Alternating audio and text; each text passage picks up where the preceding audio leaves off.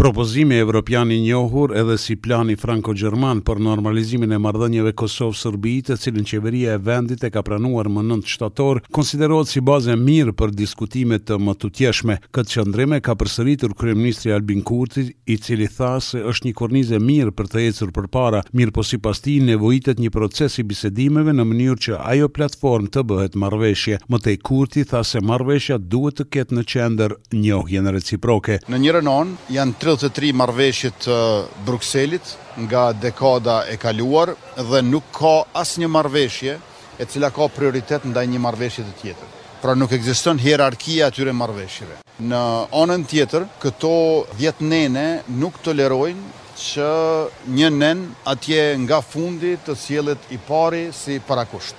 Dhe le të mos harrojmë asnjëherë që marrëveshja duhet ta ketë njohjen reciproke në qendër. Duke e përmendur marrëveshjen e prillit të vitit dy mijë e trembëdhjetë për krijimin e Asociacionit me shumicë serbe, Kurti tha se kjo marrëveshje është e theksuar meqë nuk e ka kaluar testin e Gjykatës Kushtetuese dhe sipas tij procesi negociator do të duhej të shpinte përpara. Në një mënyrë mund të themi që ajo marrëveshje njëmend është e theksuar. Është e theksuar në kuptimin juridik e kushtetues për shkak se nuk e ka kaluar testin e Gjykatës Kushtetuese. Tash procesi negociator do të duhej që të na shpie përpara. Unë e respektoj konfidencialitetin e bisedimeve, Por po e ritheksoj që asnjë nga tridhjetë e tri marrëveshjet nuk mund të ketë prioritet hierarkik. Kurti të mërkurën në orët e vona është takuar me Lajçakun. Ai pas takimit ka deklaruar se me kryeministrin dhe kryenegociatorin Besnik Bislimi janë pajtuar për zbatimin e marrëveshjeve të kaluara.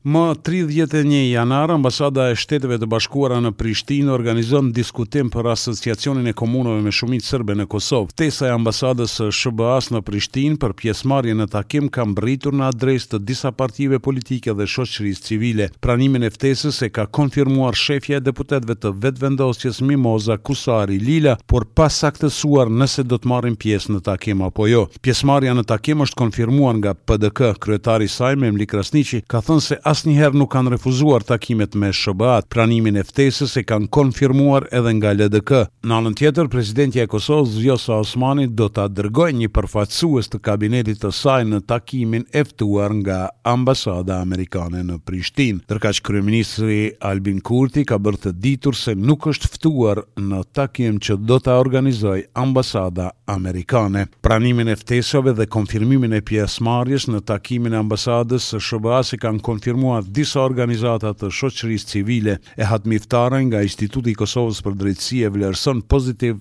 ftesën për takim e diskutim. Nuk mund të paragjykojmë cilat do të jenë veprimet e mëtejtjeshme lidhur me këtë proces. E rëndësishme është fakti që Ambasada amerikane ka ftuar përfaqësues nga shoqëria civile, qeveria, partitë politike për të marrë pjesë në një diskutim për një temë e cila padyshim që zgjon interesin publik. Takimi i së martës po shihet si një presion i miqve ndërkombëtarë që Kosovës po i kërkojnë themelimin e Asociacionit të Komunave me Shumicë Serbe. Ka ditë të tëra që mediat në Kosovë po shkruajnë e flasin për ambasadorin e Kosovës në Kroaci, Martin Berishajn, i cili sipas tyre është i përfshirë në një aferë korruptive nëpërmjet kompanisë Gen me seli në Beograd, e cila tregton me energji elektrike. Bëhet fjalë për miliona euro të cilat sipas mediave janë përdorur edhe për mbështetje të fushatës zgjedhore të Lëvizjes Vetëvendosje, parti e cila sot qeveris me vendin. Sot kryetari i Partisë Demokratike të Kosovës, Memli Krasniqi i është drejtuar kryeministrit Albin Kurti me një varg pyetjesh lidhur me ambasadorin e Kosovës në Kroaci Martin Berishaj pas dyshimeve për aferë financiare. Si u bë që Martin Berishaj për një ditë e mori nënshtetësinë e Kosovës, e të nesërmen u emërua ambasador në Kroaci? Si e kaloi Martin Berishaj verifikimin e sigurisë nga institucionet përgjegjëse të Kosovës? Si është e mundur që qeveria po e mbron Martin Berishajn me kaq besnikëri, në vend se ta shkarkoni e ta sjellni në Kosovë për hetime serioze? Çka dini ju për pohimet se milionat e Martin Berishajt janë përdorur për fushata zgjedhore në Kosovë? A mori Gen-i me degë në Serbi kontrata në Kosovë si shpërblim në këmbim të parave që ia dha Berishaj dhe më e rëndësishmja kryeministër pse po hesht për këtë skandal.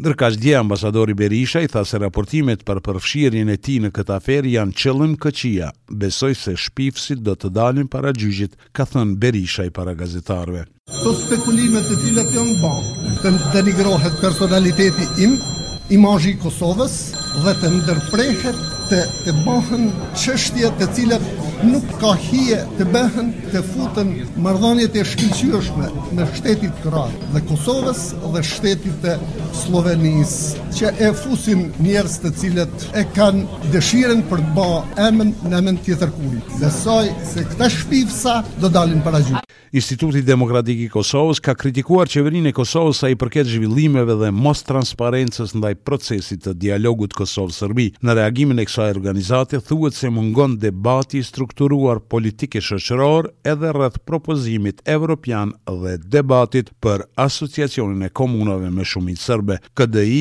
i bën thirrje opozitës të ftojë kryeministrin në raportim në një seancë të jashtëzakonshme të Kuvendit të Kosovës.